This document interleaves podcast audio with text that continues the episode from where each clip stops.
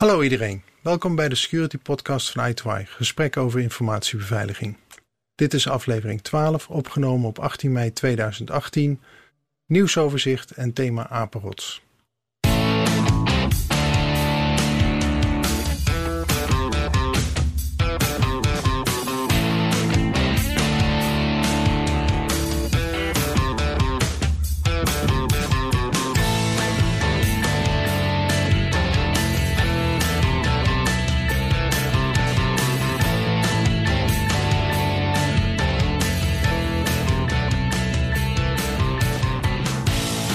In deze aflevering Kaspersky, veel, Ecuador en het thema apenrots. Ik ben Lex Borger en vandaag is Siska Jonker mijn podcastmaatje. Hallo Siska, hoe is het met jou? Goeiedag. Ja, uh, ik vind het leuk dat je me vraagt om je te interviewen met de podcast. Uh, ik verheug me er erg op en het gaat prima met mij. Goed zo. Ik had jou om te beginnen gevraagd om jouw weetje van de week.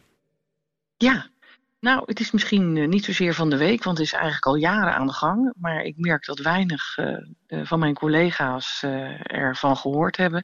Dat gaat over de Ig Nobelprijzen. En het toeval wilde ik daar deze week met een aantal collega's veel uh, over gesproken heb. En dat het bij niemand bekend is. Kende jij het, Lex? Ik had er nog nooit van gehoord. En heb je, naar aanleiding van dat we het er gisteren heel even over hadden, heb je het toevallig opgezocht wat het is? Ik heb het opgezocht. Ik, uh, ik was vooral uh, benieuwd naar wat, waar IG dan een afkorting van was. Maar ik heb al begrepen van ignoble. Dat is een, een woordspeling op het Engelse woord ignoble. En dat is een goede vertaling, is laaghartig volgens mij. Ja, dat klopt. Vrij vertaald naar mijn uh, maatstaven uh, zijn het de uh, Nobelprijzen die in de herfst worden uitgereikt aan onderzoek uh, wat in eerste instantie totaal nutteloos lijkt te zijn. Maar wat uiteindelijk toch altijd leidt tot nieuwe ontwikkelingen veel later dan moet je dus bijvoorbeeld denken aan een voorbeeld van de telefoon, wat ooit, uh, zover ik weet, uh, uitgevonden is om vanaf een postkantoor te kunnen bellen naar de klanten. Er ligt hier een telegram voor je. Wel veel later iedereen uh, duidelijk werd, oh, maar dan kunnen we eigenlijk ook het bericht wel voorlezen. Dan hoeft niemand meer te komen. En dan zie je dat dat dus een enorme vlucht heeft genomen. En tegenwoordig, wie heeft er geen telefoon? Ja, en dan de vervolgvraag van wie gebruikt zijn telefoon nog om te bellen? Uh, ja, dat is met een smartphone. Maar dat is de laatste tien jaar. Het lijkt wel alsof we hem al heel lang hebben, maar hij is er eigenlijk pas. ja. Nou, de Ig Nobelprijzen. Ik weet niet uh, in welke mate je er wat van hebt gezien de laatste jaren. Uh, er is een onderzoek geweest waarbij men tot conclusie is gekomen dat onvoorspelbaar is wanneer koeien in de wei gaan liggen. En dat het daarna dan ook niet te voorspellen is wanneer ze weer opstaan. Ja, ik weet niet wat we ermee moeten, maar Misschien over zoveel jaar blijkt het in één keer heel erg handig te zijn geweest om dit te weten. Hetzelfde bijvoorbeeld dat muggen, dat is misschien wel een uh, beetje smerig praatje, ontzettend aangetrokken voelen door um, de ordinaire, letterlijk menselijke tenenkaas. En uh, zoals je weet, ik heb een familielid wat uh, uh, in de chemie wat meer thuis is. Die me heeft uitgelegd dat uh, alle geurstoffen nagemaakt kunnen worden door middel van esters. En waar het nu op lijkt is dat er netten worden opgehangen in landen waar muggennetten noodzakelijk zijn. Die geïmpregneerd zijn met een ester die nagemaakt is op basis van onze tenenkaas. Dus dat bleek toch later heel nuttig te zijn. Hoewel het onderzoek zelf natuurlijk nergens toe diende, lijkt het in eerste instantie. Ja. Ik vind dat interessant. Maar het, uh, het is niet heel erg bekend, de Ig Nobelprijzen. Nee, inderdaad. En ik heb daar de laatste week uh, veel over gesproken. Nou, ik, ik ga er eens uh, wat uitgebreider naar kijken. Ik had ook zelf een weetje van de week, wat heel veel bij de koffieautomaat over de tong ging. En dat was wat je hoort, Laurel of Jannie. Heb jij die ook gehoord? Ja, ja die uh, is vooral in de gezinssituatie uit en te treuren doorgenomen. Wie nou nog wat hoorde, dus hoe slecht is jouw gehoor? Maar ik uh, kon natuurlijk niet laten om te onderzoeken uh, hoe het nou eigenlijk in elkaar zit. En heb, ik weet niet of jij dat ook hebt gedaan. Ja, dat heb ik uiteraard gedaan. Want geluidsbewerking is, zoals je nu luistert en spreekt, een van mijn hobby's. Maar ik ben wel benieuwd, wat hoorde jij, Lex? Ik hoorde neutraal, hoorde ik Laurel. Ja, hoorde ik ook. En dat is dan toch wel de meerderheid die dat zegt uh, van mijn omgeving. Zegt misschien iets over mijn omgeving. Over de leeftijd van jouw omgeving? Ja, de leeftijd van mijn omgeving is wat ouder dan uh, de gemiddelde leeftijd in Nederland, denk ik. Maar wat ik wel interessant vond, en die link heb ik in de show notes neergezet, is van de New York Times had een, een mooie website gemaakt met een schuifje. En dan kun je dus uh, het geluid omlaag en omhoog duwen. En dan kun je dus zien dat als je het in mijn geval omhoog duwt, dat je op een gegeven moment onmiskenbaar Jannie hoort. Wat ik dan nog interessanter vond, is dat als je het dan het schuifje weer omlaag haalt, dat je dan Jannie blijft horen. En dat vond ik heel uh, frappant. Want iets wat je dus in eerste instantie zeker weet dat je toen je het aan het omhoog aan het schuiven was, Laurel hoorde, kun je daar zelfs als je jezelf ertoe dwingt geen Laurel meer horen, maar hoor Jannie. Het is dus echt gewoon een prachtig staaltje gehoorbedrog. Geweldig, geweldig. Nee, ik heb die website heb ik niet gevonden. Wat mij wel opviel, we hebben het eerst een huiselijke sfeer over gehad en vervolgens heb ik het gedeeld op kantoor. En uh, toen werd hij afgespeeld op een telefoon van een collega. Daar zat ik wat verder vandaan, want dat was niet mijn eigen telefoon. En toen hoorde ik ook Jannie. Dus ik zat nog te filosoferen of het ook te maken heeft met knopen en buiken... die je natuurlijk in geluidsgolven hebt. En of dat misschien ook van invloed is op wat je in eerste instantie hoort. Op welke afstand je van de geluidsbron ziet. Ja, ik denk dat dat beïnvloedt de geluidskwaliteit behoorlijk. En de, de geluidsbeleving ook uh, van verschillende frequenties. En daar heeft het mee te maken. Ja. Het, het is geen zuiver Laurel, het is geen zuiver Jannie, maar het is echt laboratorium gemaakt om ertussenin te zitten. Erg grappig om dat eens mee te maken. Lijkt natuurlijk op de test die, wat is het, een jaar of twee jaar geleden was. Over een jurkje, zag je nou blauw met uh, goud of zag je nou wit met, was het, zwart? Ik weet het niet meer, want ik zag natuurlijk blauw met goud. Ja, ja, er zijn heel veel voorbeelden van gezichtsbedrog. En ja. uh, wat, wat ik altijd frappant vind is inderdaad waarbij je dan naar een bijvoorbeeld schaakbord kijkt, waar dan een object bij staat die een schaduw over dat schaakbord werpt. En dan laat ze een, een, een zwart veld van het schaakbord en een wit veld van het schaakbord zien.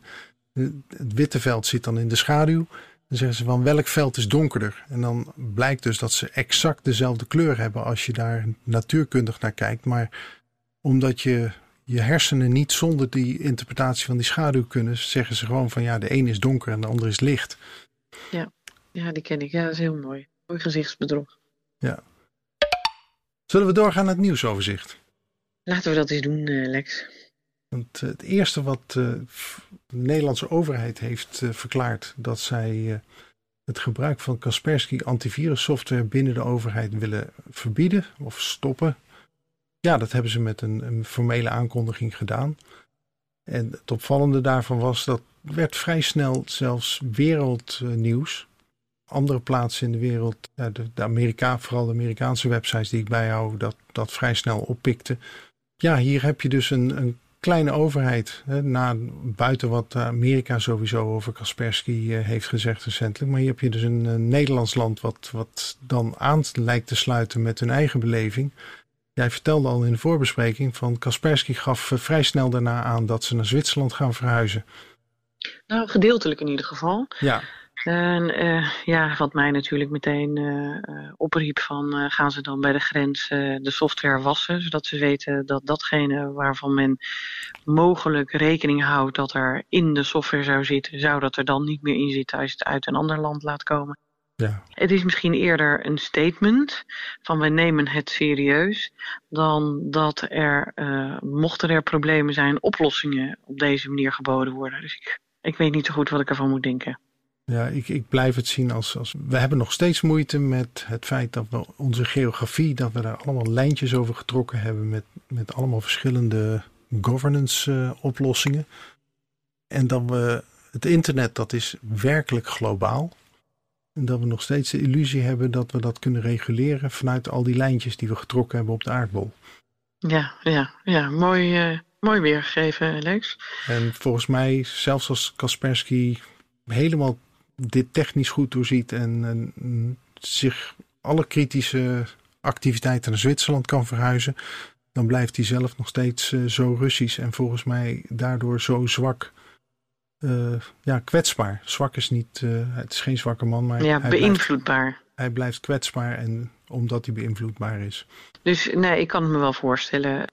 Ik uh, ken klanten van Eye to Eye die op dit moment ook bezig zijn met de inventarisatie uh, van en waar uh, gebruik, gebruiken wij het ook toevallig en moeten wij ook dat soort stappen zetten. Ja, ik, ik vind het ergens jammer, want ik heb hem op zien komen als nieuwe speler in de, op de markt. En je krijgt dus het idee van, van ja, hij doet iets goeds de wereld is nu zo gericht op nation states en, en de, mis, de cybermisbruik die die nation states uitvoeren. Dat je dus, ja, je kunt twee, twee dingen, één van twee dingen geloven. Uh, dat Kaspersky een eerlijke zakenman is en probeert helemaal los van uh, alle Russische politiek uh, zijn zaak te runnen. En de andere is van, van ja, hij is, hij is Rus, dus hij danst naar de pijpen van de Russen. En als ik die verleng uh, denk ik ook van, ja, maar waarom vertrouwen we dan Amerikaanse bedrijven zo hard? Ja. Dus het, het blijft een moeilijk onderwerp om over te praten. En... Nou, vooral omdat er geen openheid uh, over gekregen kan worden. Dus je moet het doen met uh, gevoelens en gevoelens zijn ongrijpbaar en moeilijk beïnvloedbaar en die leveren toch wel degelijk keuzes op en beslissingen op uh, die ook moeilijk aanvechtbaar zijn. Dus uh, lastig. Ja. ja, ben ik met je eens. Volgende onderwerp. Ik heb het uh, genoemd fail. Wat is er gebeurd? er is een groep onderzoekers uitgekomen die hebben gezegd: Nou, we hebben een kwetsbaarheid gevonden. Daarbij in goed gebruik kiezen we daar een merknaam bij. Die merknaam is e-fail. we zetten dat op, we hypen dat. En dan uiteindelijk als je er op doorgaat, dan blijkt dat het allemaal wel wat meevalt. A, het is geen kwetsbaarheid in PGP. En of S-MIME, dat is dan uh, zijdelings er ook bij betrokken. Maar de PGP-kant is veel interessanter om over te schrijven. Maar het is ook, uh, het is gewoon in de implementatie van PGP in bepaalde e-mail clients. En dan alleen nog als je het gebruikt in combinatie met HTML-e-mail. Waarbij ik me afvraag van de mensen die PGP gebruiken en de kennis hebben om dat allemaal goed in te stellen. Dat zijn waarschijnlijk dezelfde mensen die hun uh, e-mail in pure plaintext doen. Dus ik zie daar inderdaad weinig overlap en weinig concern. En ik zag hem op een gegeven moment ook dat de markt er zo over dacht. Uh, vorige keer heb ik een tweet van Ricky Gevers in de podcast behandeld. En ik zag er nou weer een. Ik heb hem in de show notes gezet. Waarbij die wat ik net vertelde eigenlijk in één tweet samenvat. En zegt van ja, uh, we zitten lekker te hypen hierover. Maar uh, we hebben geen grote kwetsbaarheid gevonden. En Bruce Schneier in zijn uh, ja, efficiënte manier om dingen helemaal plat te slaan en tot de kern terug te brengen. Uh, heeft een blog-entry geschreven waarbij hij vier dingen opmerkt over de PGP uh, vulnerability. En daar komt het in, ik geloof punt 2 of punt 3 is uh, ook weer gelijk van ja, het is een kwetsbaarheid in de implementatie en dus niet een kwetsbaarheid in de crypto. Nou, dankjewel voor deze duidelijke uiteenzetting, Lex. Ja, nou, en zo denk ik ook weer van, van het is leuk als bepaalde zeer gewaardeerde security experts durven af te wijken van de hype-norm van uh, de populaire pers. En een ander dingetje wat ik las, dat was dat uh, Ecuador en Assange, die uh, eigenlijk in Londen al ruim vijf jaar samenhokken, op gespannen voet zijn komen te staan met elkaar. Ja, ik had het even helemaal gemist. Ik vond het leuk dat je dat had gevonden. Ja, want Assange die verblijft al ruim vijf jaar in de Ecuadoriaanse ambassade in Londen. Dat had ik niet gemist, dat weten we allemaal wel. Ja, dat is, dat is regelmatig nieuws. En het is nu kennelijk lang genoeg om uh, zijn hier te irriteren. En The Guardian heeft daar een heel artikel over geschreven. En ik lees daar een klein stukje uit voor. In an extraordinary breach of diplomatic protocol, Assange managed to compromise the communication system within the embassy and had his own satellite internet access, according to documents and a source who wished to remain anonymous. By penetrating the embassy's firewall, Assange was able to access and intercept the official and personal communications of staff, the source claimed. ik kan me zo voorstellen als uh, Assange, ja, die zit daar in de Ecuadoraanse ambassade. Hij kan geen voet buiten de deur zetten of hij wordt meteen gearresteerd. Dan ga je toch niet je gast hier zo uh, ja, tegen de haren strijken. Je kunt niet verwachten dat je hier eeuwig mee wegkomt. Nee, de vraag is ook eigenlijk, uh, zouden zich gewoon te pletter vervelen? En dat hij van pure ellende, nou ja, weet je, uh, laat ik me hier dan maar gaan irriteren. Dan zet je me misschien wel op straat. Kan ik nog iemand anders de schuld geven? Heb ik het zelf niet gedaan? Ja. Het, het, roept, het roept bij mij wel uh, allerlei vragen op. Ja. Zweden is niet meer naar hem op zoek. Dat hebben ze duidelijk gezegd. Engeland die zegt van ja, maar dan is hij nog steeds iemand die wij willen arresteren. En dan wordt er verwacht dat met, daarna meteen Amerika een een uitzettingsbevel zal uh, ja, afvaardigen. Ja, het is, we zullen zien, maar het is, het is duidelijk dat het verhaal Ecuador en Assange nou in een volgende fase terechtkomt. En dit zou wel eens kunnen leiden tot een uh, scheiding van... Uh, van de wegen. Een scheiding van de wegen. En dan is, wordt heel interessant van hoe dat logistiek uitgevoerd gaat worden. Ja, en wat de gevolgen zijn. Want uh, ik ben toch wel heel benieuwd voor de Wikileaks wat men maar aan zijn voet gaat leggen. En hoe succesvol een dergelijke uh, vervolging zou kunnen zijn. En ja. waar het toe zal leiden. Maar eerst moet, uh, moet hij natuurlijk dan voet buiten de deur zetten. En of hij uh, zal inderdaad zijn gastheer dusdanig irriteren dat hij buiten de deur wordt gezet. Of, ehm, ja. of het gebeurt niet en hij komt tot inkeer. Omdat hij ook door heeft dat hij met vuur speelt. Ja. Wie zal het zeggen? Ja, en, Wikileaks heeft eigenlijk door de jaren heen ook wel zijn glans verloren inmiddels. Ja, maar ja, zelfs uh, ernstige misdrijven die 18 jaar geleden zijn gepleegd, die kunnen nog uh, leiden tot uh, een veroordeling. En ik denk dat Amerika toch zijn gezichtsverlies niet zou willen leiden om op dat moment dit te vergeten. Zo van alle informatie die toen gelekt is, die is uiteindelijk toch wel, zou die op straat zijn gekomen. Uh, maar vroegtijdig heeft uh, in hun idee natuurlijk toch wel wat manschappen in gevaar gebracht. En uh, daar zouden ze toch wel degelijk meneer Assange is aan de tand voor willen voelen, op zijn minst. Ja, dat, ik denk dat je gelijk hebt. Amerika heeft wat dat betreft een ijzersterk geheugen. Ja, als een olifant. Ja. Dan gaan we door naar het thema wat jij aangedragen hebt, Siska. We zijn, uh, jij, jij hebt het thema heb je genoemd uh, apenrots. Nou, dat was meer van waar zullen we het samen eens over hebben? Uh, ja. En toen zei ik ja, weet je, waar ik dagelijks mee bezig ben, is toch eigenlijk het thema apenrots. Nou, vertel eens. Je ziet dat steeds meer bedrijven overgaan naar een agile me methode van werken. En uh, die wordt binnengehaald vaak door senior management, omdat men uh, grote succesverhalen kent van uh, uit de markt van Google en Spotify en nou noem alle bedrijven maar op. En dat willen we ook. En dan gaat het vooral uit een kostenbesparende overweging.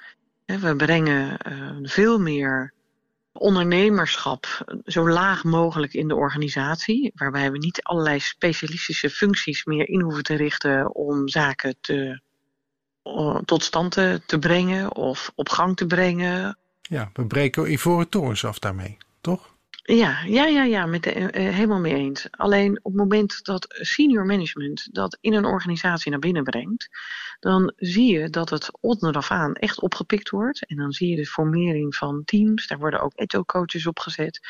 Uh, dat moet bottom-up moet dat uiteindelijk gaan lopen. En dan komt het tegen een soort wat we vroeger bij vrouwen het glazen plafond noemen.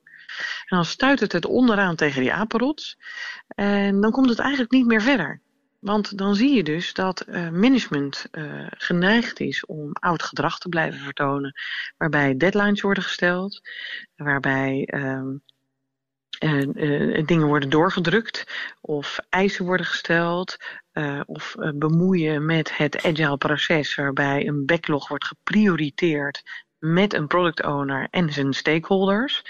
En daar wordt dan uh, uh, invloed op uitgeoefend.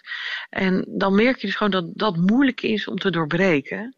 En van afstand als je daar naar kijkt, zie je feitelijk gebeuren dat het eigenlijk inderdaad die apenrots is. En op een apenrots gaat het natuurlijk uh, in onze beeldspraak in de Nederlandse taal tenminste altijd over hiërarchie en uh, macht. Ja. Echter in de dierenwereld, de uh, apenrot, uh, bovenop zo'n apenrot zit de alfa-aap. En die uh, geeft eigenlijk de grenzen aan van de normen en waarden binnen de groep. En op het moment dat er gevaar dreigt, dan beschermt hij de groep.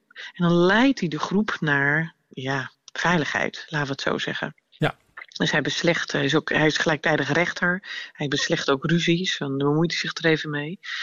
het is veel meer een people manager dus en een leider dan een manager.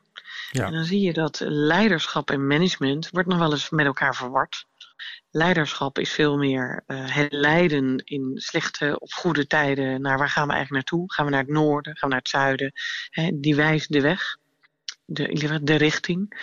Een manager echter, die leidt de weg. Die zegt van oké, nu linkervoet, nu rechtervoet, nu rechtervoet, nu rechtervoet. Um, als je kijkt naar de, als je dat vertaalt naar de agile wereld, dan zie je dat de agile wereld daar leiders kan gebruiken. Uh, en, en, noem daarbij de, de vergelijking met de product owners. Die leidt het product naar uh, zo hoog mogelijke businesswaarde. Ja. Uh, toegevoegde waarde voor de business. Waar ehm, en de horende wat de meningen zijn van alle stakeholders, moet er ook op een gegeven moment besloten worden van wat is de weg? Gaan we naar het noorden of gaan we naar het zuiden? Echte invloed uitoefenen op uh, opleverdata of uh, dat zal je een product owner nooit zien doen. Als het goed is. Ja, als het goed is. Ja, dat ben ik met je eens. Naast product owners uh, heeft een gemiddeld bedrijf dus eigenlijk bijna geen managers meer nodig. Ja, een financiële manager misschien, die een beetje in de gaten houdt dat datgene wat er uitgaat er ook wel in komt. Of dat er uh, binnen budget gewerkt wordt. Um, maar eh, managers van afdelingen, dat worden veel meer people managers. Die helpen opleidingen voor mensen uh, te organiseren. Die uh, coachen de medewerkers uit de teams, de agile teams, om op zijn best te functioneren. Dat zijn dus heel erg, je ziet ook in ons voorgesprek, zei je het zelf al, uh, Lex, uh, dat het een opkomend fenomeen is om als product owner een vrouw neer te zetten of als manager een vrouw. Om, uh, en vooral manager en manager een vrouw, omdat dat de people managers kant is, waar uit uh, ervaring, uit onderzoek blijkt dat gemiddeld genomen, en dat is altijd eng om dat te zeggen, vrouwen daar beter voor geschikt lijken te zijn. Nou weet ik dat ik hiermee mannen tekort doe. Ik vind je stereotypering uh, klopt en die, sterker nog, uh, daar, daarvan zijn uh, wetenschappelijk onderzoeken gedaan die, die jou gelijk geven. maar wat ik jou hoor zeggen is dat dus die, die leiders, die alfa-apen, wel degelijk gewoon een heel nuttige functie vervullen in een enterprise landschap. Ja, ja, maar hoe vaak heb je een, een alfa-aap daadwerkelijk zijn leiderschap moeten zien tonen? Dat is vaak uiterst zelden. Ja. Terwijl een gemiddeld uh, middelgroot tot groot bedrijf zit tegenwoordig nog vol met managers die graag leiderschap willen tonen.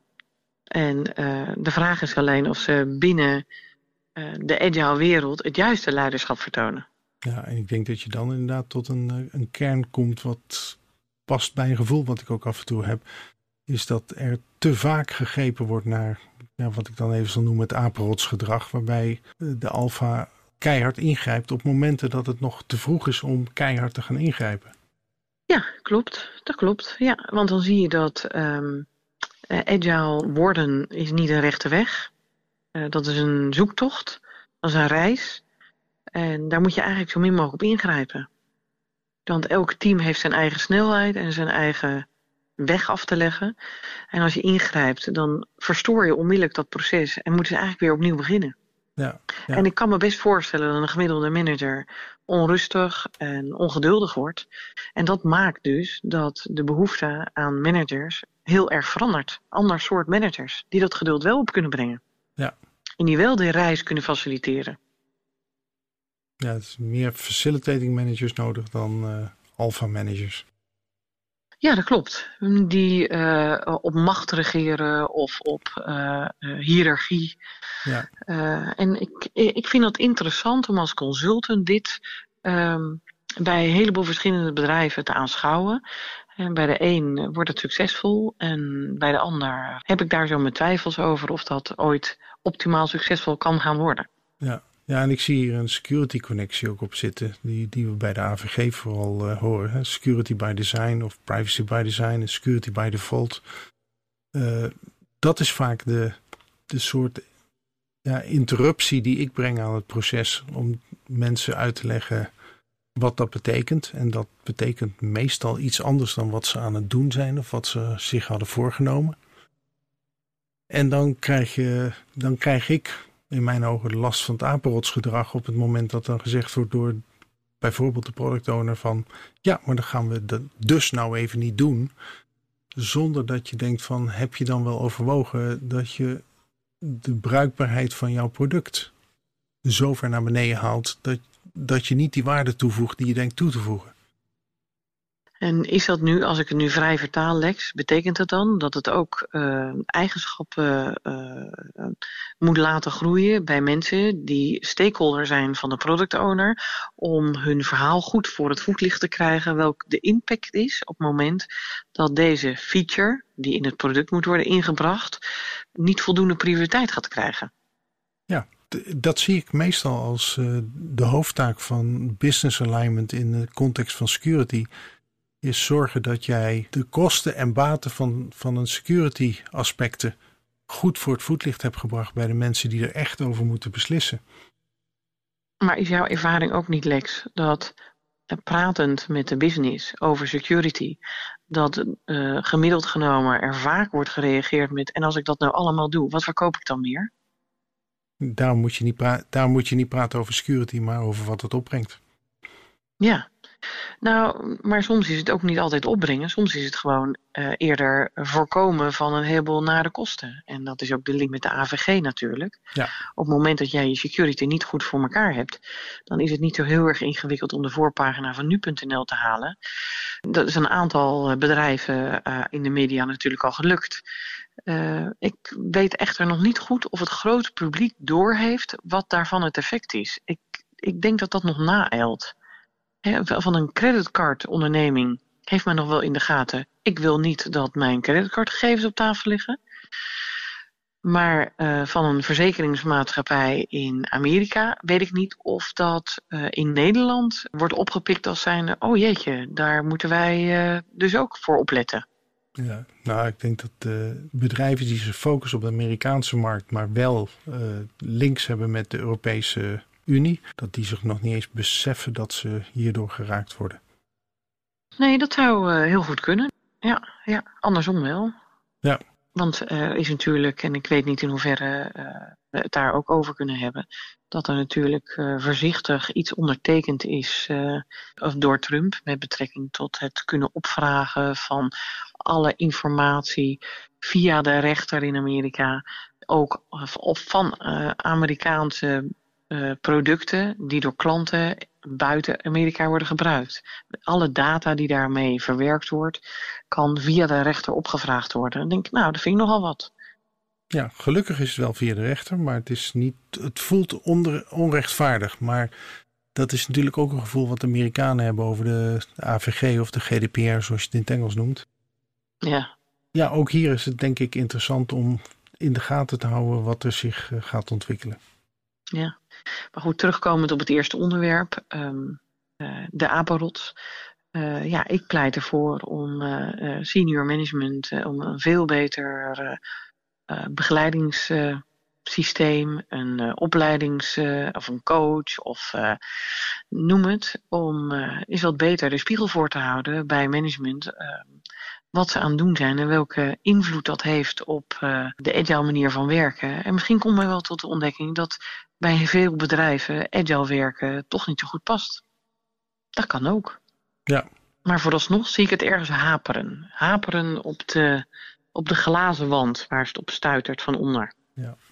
Een soort uh, nieuwe alignment van manier van omgaan met je resources. Ja, ja klopt. Ja. Nou, laten we daarmee afsluiten dan.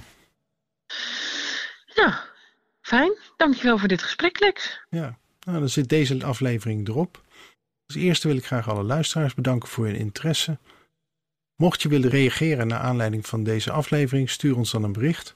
Mijn Twitter-handle is @lexborger. Siska, hoe kunnen mensen met jou in contact komen? Uh, ja, het handigste is via e-mail. En uh, dan stel ik mijn uh, e-mailadres van i2i voor om te gebruiken. Dus c.jonker.i2i.nl. Ook te vinden op de website van i2i, Siska Jonker. Daar zijn alle details ook te aan te treffen. Wij zijn inderdaad consultants bij i2i. Onze website is www.i2i.nl en dat is i-to-i. I2i is een onderneming. Deze podcast komt eens in twee weken uit en afleveringen zijn te vinden als nieuwsitem op onze website. Je kunt je ook abonneren op de podcast via de feedlink https www.i2i.nl feed podcast. We wachten nog even op doorvoeren van wat aanpassingen op de website om de podcast ook in Apple iTunes en Google Play Store vindbaar te maken. Daarover meer als wanneer dit beschikbaar is. Siska, dan rest mij jou te bedanken voor je bijdrage in deze podcast. We sluiten hierbij af. Tot de volgende keer. Dankjewel. Dag Lex.